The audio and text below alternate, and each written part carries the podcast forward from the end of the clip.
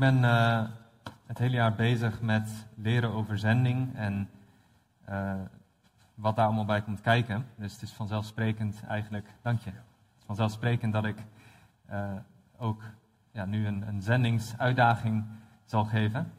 En daarvoor wil ik eigenlijk vooral kijken naar hoe Paulus het aanpakte en hoe hij dat omschreef in Colossense 1, vers 24 tot 2, vers 5. Uh, dus daar kun je je Bijbel naartoe. Uh, dat zullen we als hoofdtekst gebruiken vandaag. En ik zal even bidden voor de preek. Heere God, dank u wel uh, voor uw woord en voor wat we daaruit kunnen leren. De voorbeelden die we daarin hebben en de instructies die we daarin hebben. En Heer, ik wil u vragen om ook mij te helpen vandaag met de juiste woorden te spreken, duidelijke woorden. En zo ook anderen te helpen om naar, naar u toe te groeien door wat u leert door het woord wat u aan mij geleerd heeft en wat zo ook weer aan anderen geleerd kan worden. Alles tot uw eer en in uw naam. Amen.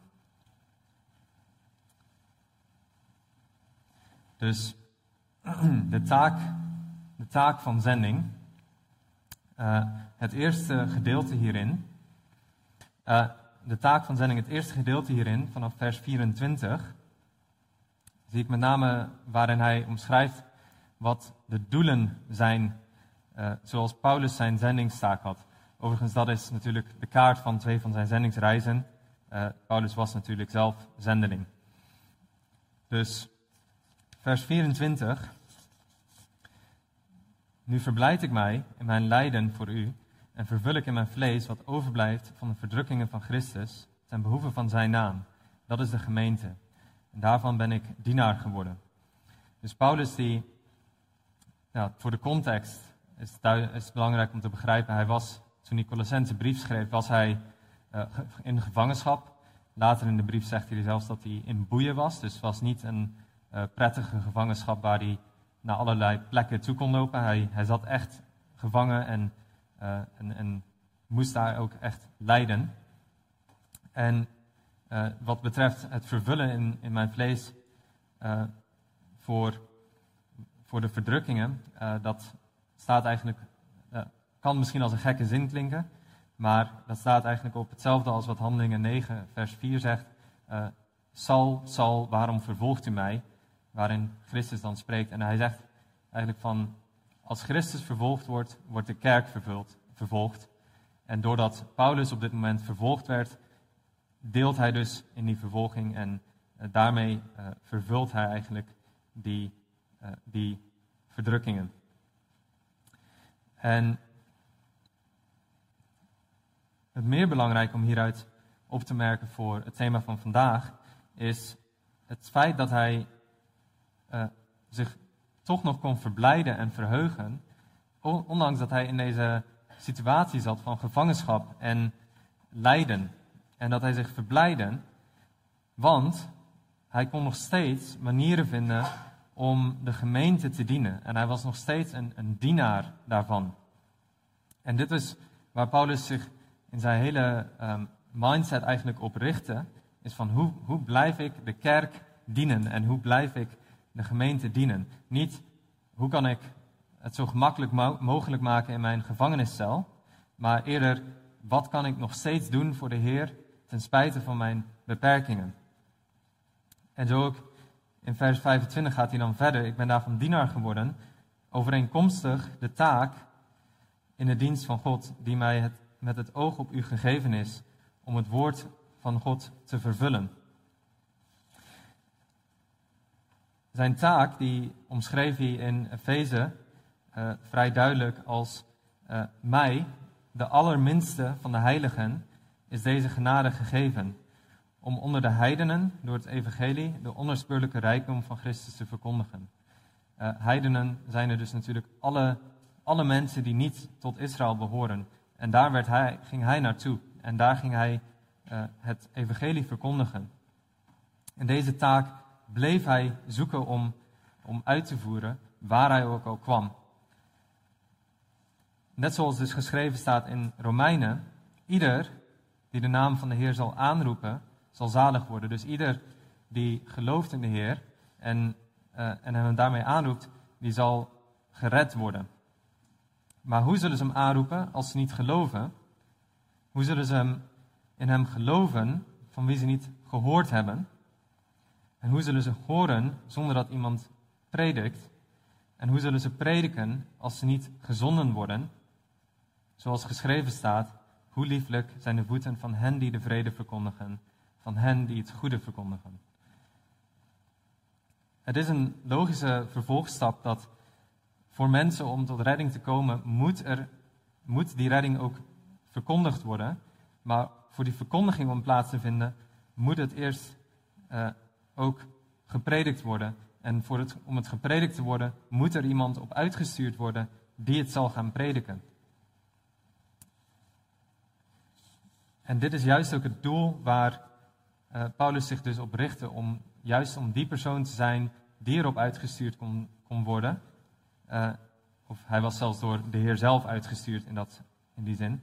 En, en het evangelie te verkondigen aan mensen. Hè, om te verkondigen hoe elk mens heeft, heeft dingen verkeerd gedaan in de ogen van God, is eigenlijk in opstand geweest tegen God. De manier hoe hij ons gemaakt heeft, de manier hoe hij relatie met ons zou willen zien en, uh, en, en de straf die daarvoor staat, het enige logische loon als gevolg, is de hel, de poel van eeuwig vuur. En als we daar zelf een oplossing voor zouden moeten brengen, dan zou het onmogelijk zijn anders dan dat logische gevolg van die poel van vuur. Maar God heeft de oplossing gebracht. En God heeft de oplossing gebracht om zijn zoon te sturen, die in, in onze plaats kon sterven en daarmee alle prijs van alle mensen kon betalen en alle zonde op zich kon nemen.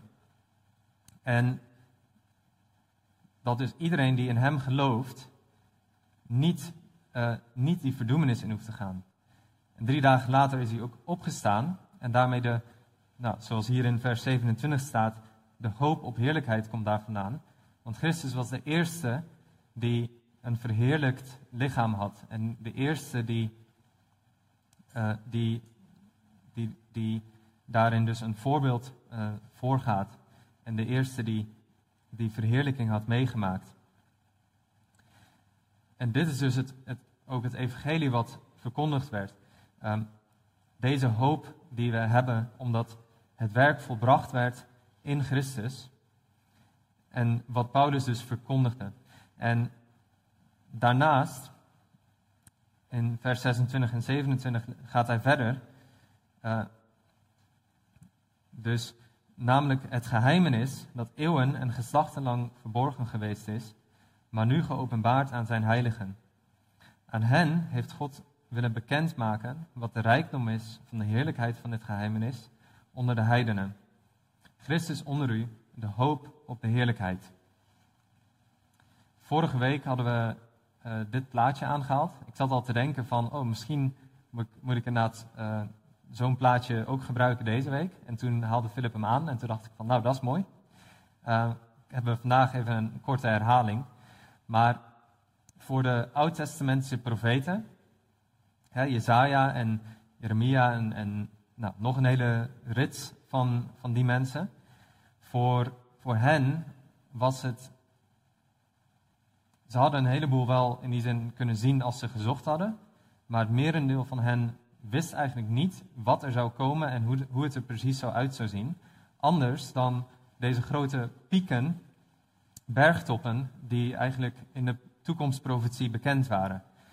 Maar het met name wat, het grootste deel wat ze gemist hadden, wat ze niet, niet, uh, ja, niet voor ogen hadden, is deze ja, Valley of the Church, deze vallei van de kerk, tussen de, de pieken van grote profetiemomenten in, deze lange periode waarin de kerk zou bestaan en hoe dat eruit zou zien. Specifiek wat hier in Colossense aangehaald wordt in ieder geval. Specifiek wisten ze niet, of niet duidelijk in ieder geval, dat Christus onder, u zou, onder ons zou leven, uh, in ons zou leven. Dat we de Heilige Geest met ons zou helpen, als, hebben als helper en als trooster. En, uh, en, en ons zou helpen in de dagelijkse wandel met de Heer.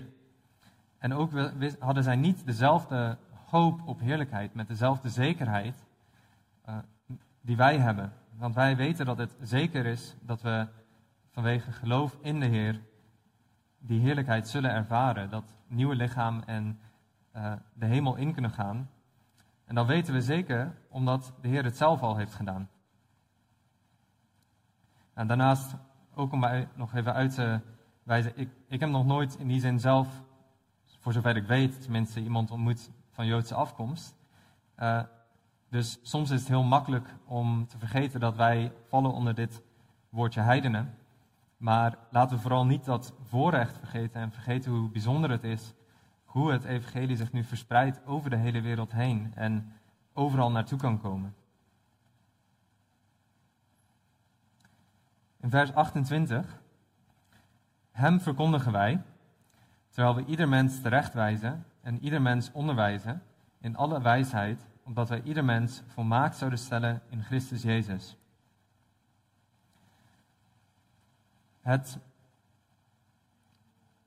De grote opdracht, eh, zoals die in Matthäus 28 omschreven staat, die leest dus: Ga dan heen, onderwijs alle volken, en dopend in de naam van de Vader en van de Zoon en van de Heilige Geest, en hun lerend alles wat ik u geboden heb in acht te nemen.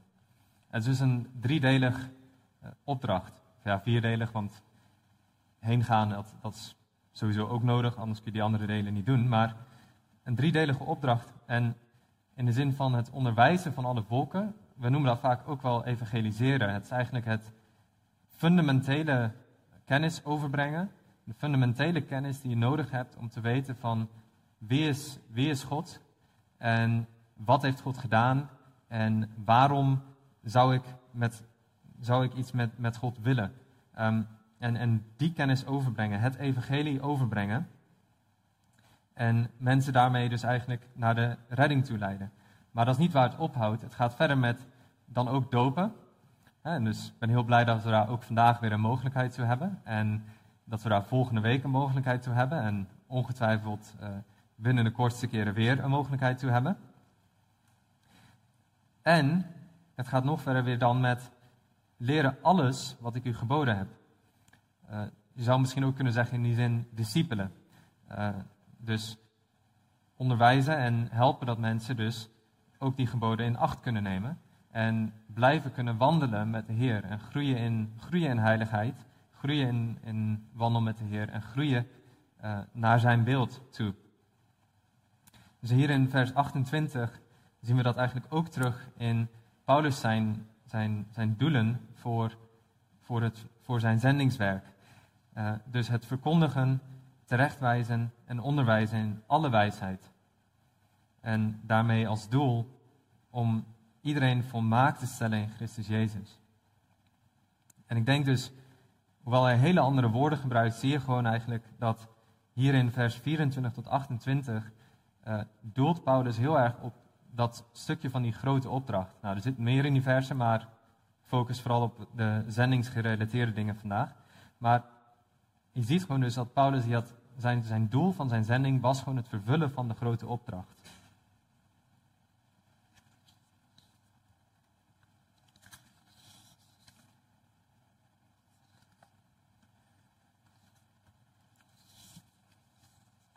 Als volgende dus de middelen die hij gebruikte. Zo heb ik het genoemd, maar de manier eigenlijk van waarop hij het, zo, waarop hij het aanpakte. Uh, hij zegt in vers 29, ik span me daarvoor in en strijd, en daarvoor strijd ik, overeenkomstig zijn werking, die met kracht in mij werkzaam is. Want ik wil dat u weet hoe groot de strijd is die ik voer voor u, en voor hen die in Laodicea zijn, als ook voor zoveel die mij nooit in levende lijven gezien hebben.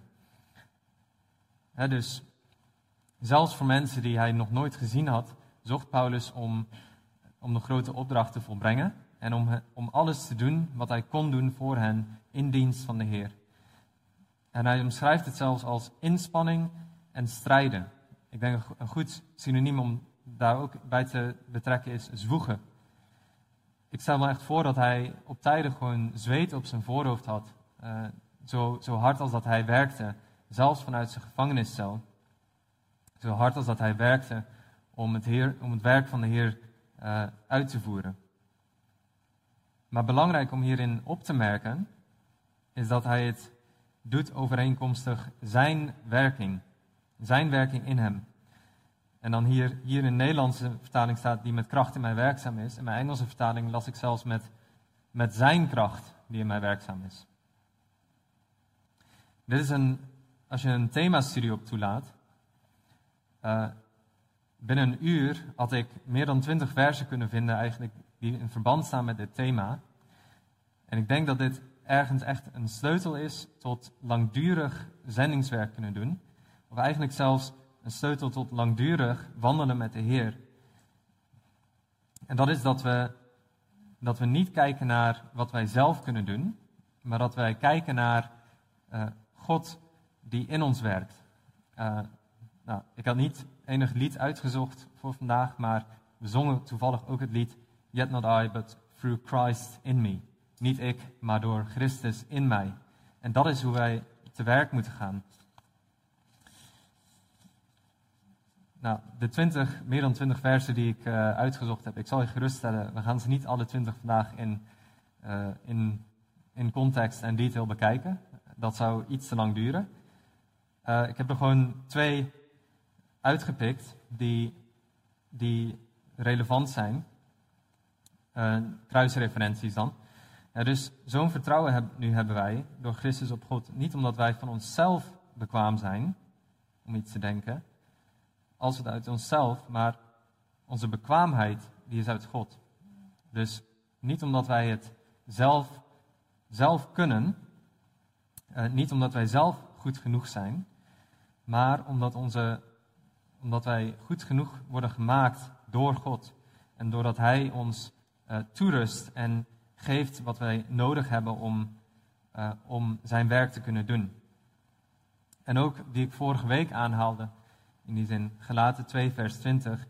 Ik ben met Christus gekruisigd en niet meer ik leef, maar Christus leeft in mij.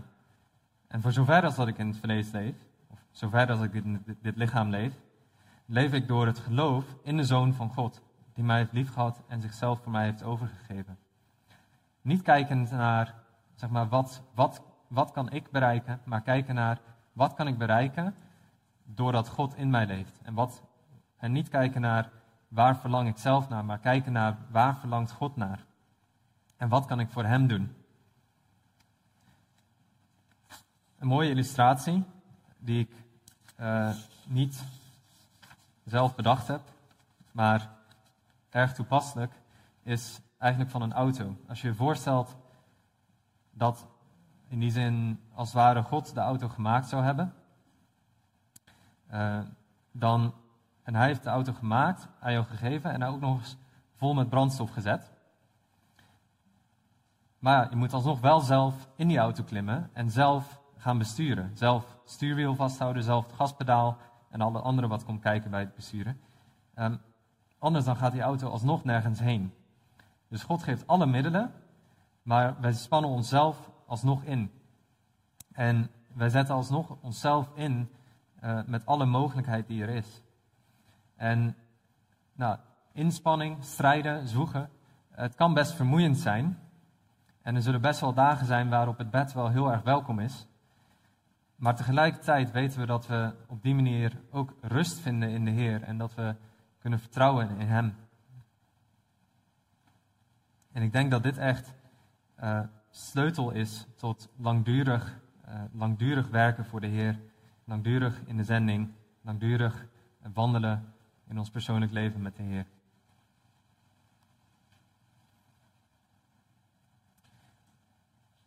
Derde punt, uh, de uitwerking van de zending. Waar, waar, leidt het naartoe? In vers 2 uh, opdat hun harten bemoedigd mogen worden, samengevoegd in de liefde, en zij tot heel de rijkdom en de volle zekerheid van het inzicht mogen komen. Om het geheimenis te leren kennen van God en van de Vader en van Christus. Uh, een aantal dingen die hier dus al in opgenoemd worden, en dit zijn alleen maar nog de dingen die hier in Colossense opgenoemd worden. De rest van uh, het Nieuwe Testament omschrijft veel meer nog wat in de kerk uh, gebeurt. Maar als eerste samengevoegd in liefde. Dus als, we, als, als de grote opdracht dus uitgevoerd wordt en mensen dus het evangelie kennen en ze worden gedood en ze worden onderwezen en gediscipeld en groeien met de Heer, dan volgt dit daaruit. En het volgt daaruit dat, dat we elkaar opbouwen in de gemeente, dat we elkaar het beste uit elkaar halen en dat we elkaar ondersteunen en helpen om God te kunnen dienen.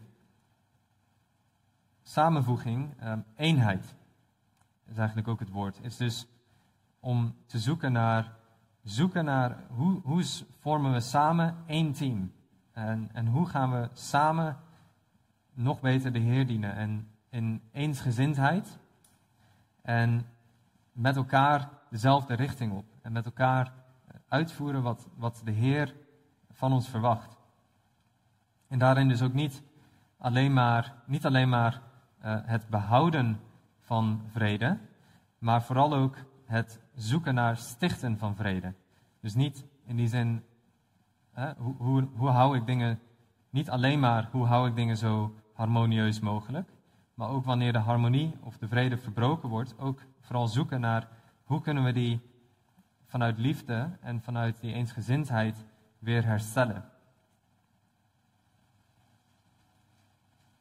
Hm. En dan rijkdom van de volle zekerheid van, in, van het inzicht. Daarin dus ook uh, de volle zekerheid dat binnen, binnen het woord van God, binnen de Bijbel, hebben we de volle zekerheid dat we alle inzicht hebben en dat we daar alle rijkdom uit kunnen halen, omdat God aan ons alles bekend gemaakt heeft wat wij moeten weten om Hem te kunnen dienen en om voor Hem te kunnen leven. En daarin uh, alle, alles mogen leren en voor Hem uh, mogen doen. En zodat we dus alle schatten van de wijsheid en van de kennis uh, die verborgen zijn, ja, of dat, die, dat we die uit het woord kunnen halen. En dit zeg ik omdat niemand u misleidt met mooi klinkende redeneringen. Dat wil zeggen dus redeneringen gebaseerd niet op de Bijbel, maar gebaseerd op persoonlijke, uh, ja, persoonlijke redenatie en, en persoonlijke logica.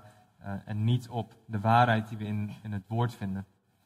En dat klinkt misschien ergens ook bijna onnodig om aan te halen wanneer je het hebt over kerkplanten bij, uh, bij zulke ver afgelegen groepen dat ze nu in de afgelopen 2000 jaar is er nog nooit iemand geweest om het evangelie te verkondigen.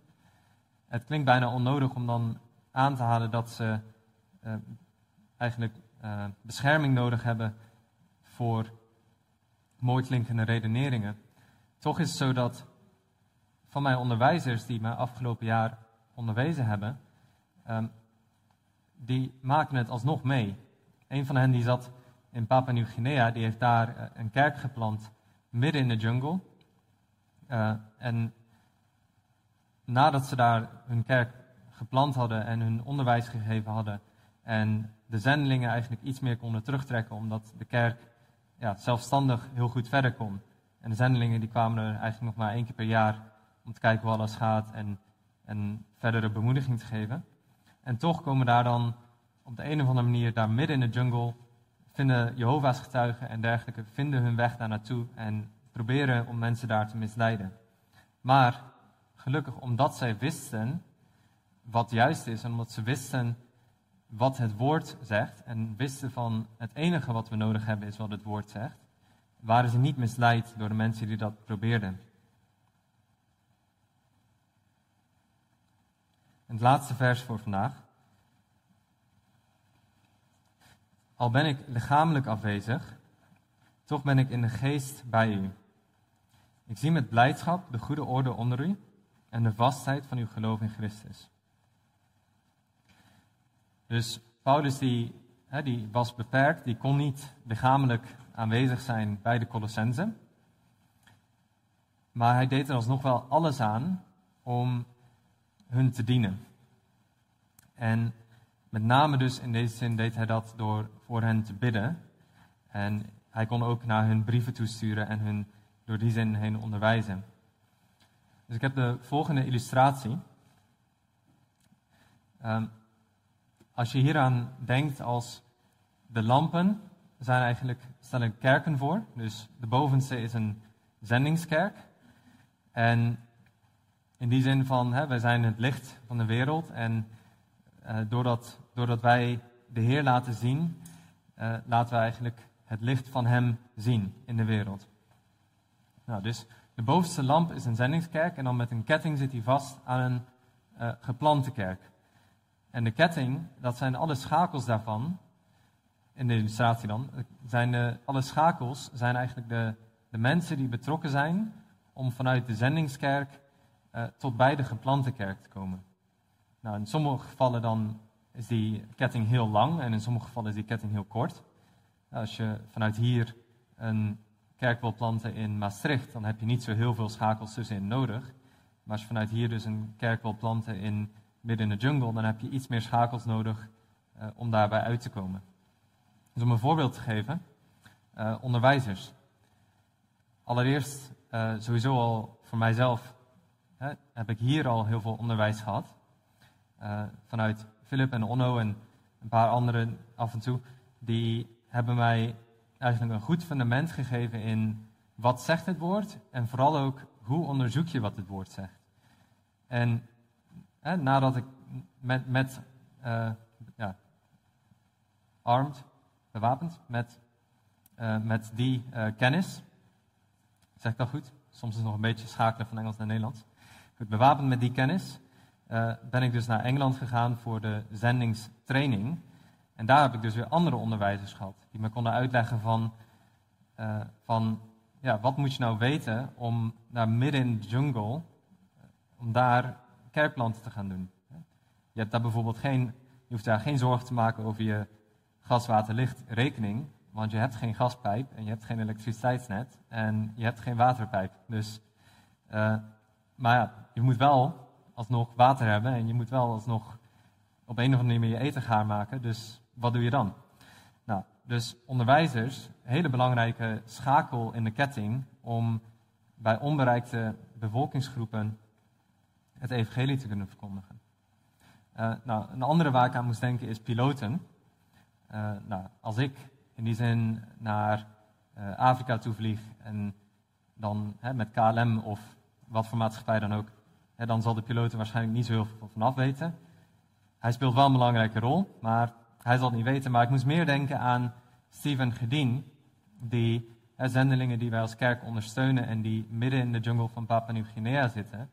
En die daar alleen maar kunnen zijn, omdat er is ooit iemand geweest die zei van, ik ga de Heer dienen door als helikopterpiloot, uh, als helikopterpiloot zendelingen te brengen waar zij moeten zijn in Papua Nieuw-Guinea. En ook daar dus een hele belangrijke schakel voor uh, de Kovel-mensen om het evangelie te horen. Ik heb ook zendelingen ertussen gezet. Uh, ja, dacht van, beetje raar als je die schakel eruit laat. Maar ook voor een deel om ook gewoon duidelijk te maken van het is gewoon gelijk opstaand. Hè? De, de, zeg maar de piloot en de zendeling zijn even belangrijk, want ze zijn allebei nodig om het evangelie daar uit te brengen. Uh, je zou in, in, die zin nog veel meer voorbeelden kunnen geven. Ik moest bijvoorbeeld ook denken aan zoiets wat misschien simpel klinkt, maar de secretaresse daar bij de zendingsschool in Engeland.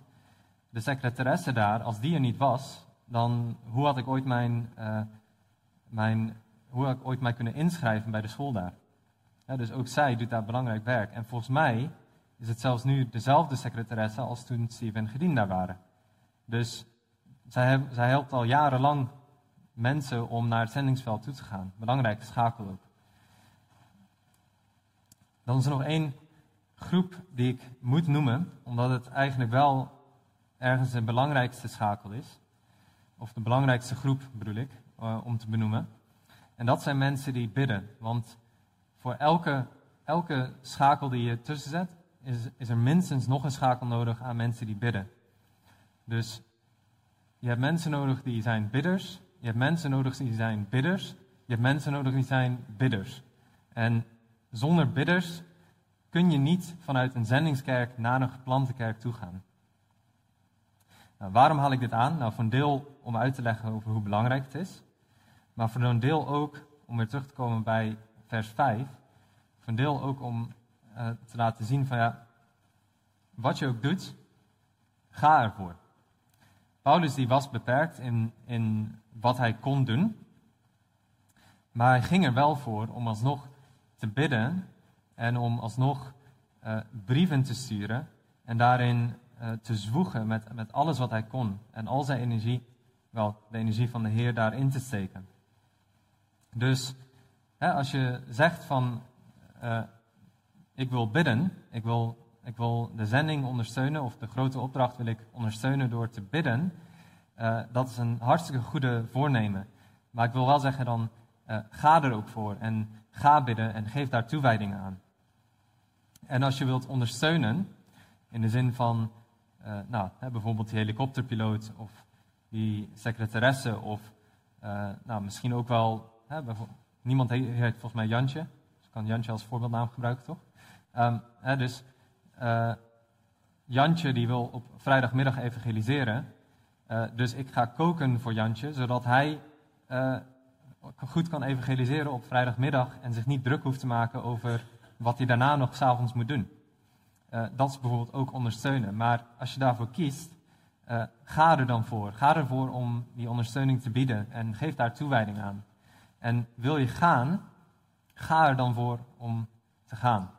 En, uh, en geef daar toewijding aan. En dat hoeft niet in de jungle te zijn. ik denk dat het hartstikke mooi is om naar onbereikte groepen toe te gaan. En, en hartstikke belangrijk is ook om naar onbereikte groepen toe te gaan. Maar ook als je uh, op vrijdagmiddag gaat, uh, mee gaat evangeliseren, ook dan, zeg maar, dat ook hartstikke goed, hartstikke belangrijk. En ook dan zou ik zeggen, uh, ga ervoor om daar ook toewijding aan te geven en om dat te doen. en als je niet op vrijdagmiddag gaat, maar op een ander moment van de week of een andere plek of, of waar dan ook je gaat, geef er toewijding aan. dus heb toewijding maar vergeet nooit om het in zijn kracht te doen.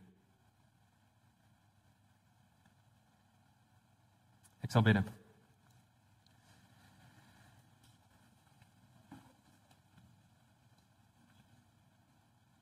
Heren, uh, dank u wel voor alles wat u voor ons doet en ja, hoe u uw zoon gestuurd heeft en hoe we in u uh, tot u kunnen komen en ja, de relatie met u hersteld kan zijn. Hoe we de zekere hoop hebben van heerlijkheid en zekere hoop van hoe we bij u kunnen zijn.